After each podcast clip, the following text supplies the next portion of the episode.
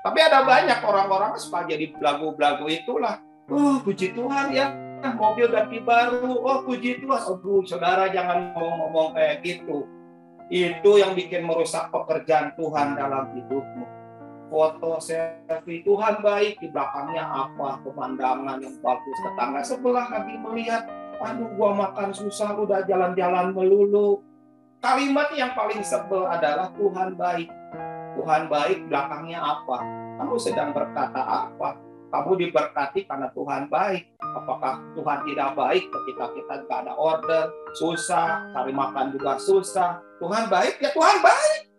Tapi kenapa nggak dimunculin nasi kosong, nasi kecap, kerupuk seperempat, telur satu buat lima orang, lalu kita berkata Tuhan baik. Enggak kan? Harusnya iya.